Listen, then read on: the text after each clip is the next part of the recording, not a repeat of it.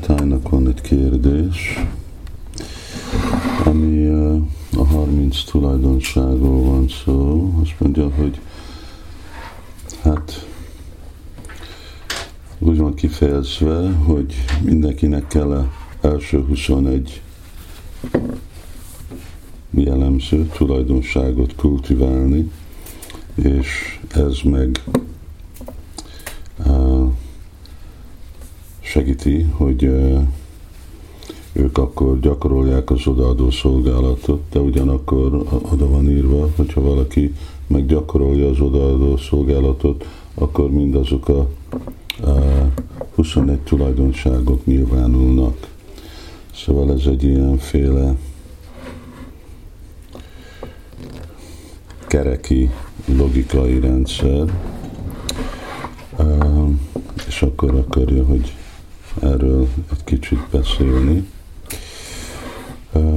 Hát ez hasonló, mint hogyha valaki akar vezetni kocsit. Szóval nem ülhetsz be egy kocsiba, anélkül, hogy valamit tudsz kocsi vezetésről.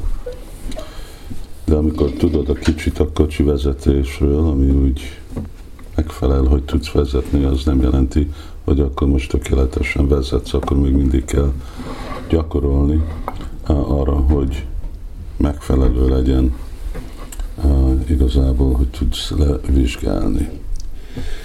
Uh, ugyanígy, uh, ugye, és végre ez is a tanítása a 14. fejezetnek, a Bhagavad Gita-nak, hogy Krishna hangsúlyozza, hogy uh, a jóságnak a tulajdonságát, amikor gyakoroljuk, akkor az meg vonza önmagával a jóságot. Hasonlóan, amikor mi gyakoroljuk azokat a tulajdonságokat, amik képviselik a jóságnak, akkor odaadó szolgálat, ami transzendentális, de ugyanakkor azok, akik jóságban vannak, azok gyakorolják, akkor azoknak a gyakorlata sokkal könnyebb lesz. Szóval így, amikor vannak ezek a 21 tulajdonság, és kultiváljuk a 21 tulajdonságot, akkor segíti azt, hogy gyakoroljuk az odaadó szolgálatot, akkor természetesebb és könnyebb lesz az odaadó szolgálat. És amikor gyakoroljuk az odaadó szolgálatot, akkor az meg táplálja, és természetebb lesz, és spontánabb lesz e, ezeknek a tulajdonságoknak a megjelenése.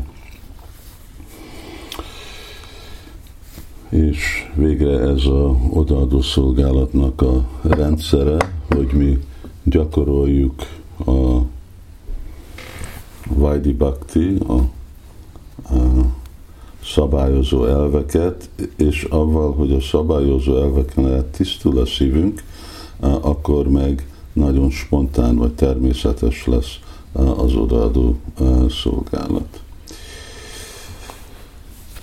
Szóval eh, ezért javasolva van, hogy bakták kultiválják ezeket a 21 tulajdonságot, és amikor kultiválják ezeket a tulajdonságokat, akkor fogják látni, hogy ő nekik könnyű gyakorolni a odaadó szolgálatot. Mint, nem tudom, a tisztaság, ugye, vagy lemondást gyakorolni, akkor ez segíti az odaadó szolgálatnak a gyakorlatát, és amikor így gyakoroljuk az odaadó szolgálatot, akkor ezek a tulajdonságok, ezek meg nagyon természetesek lesznek.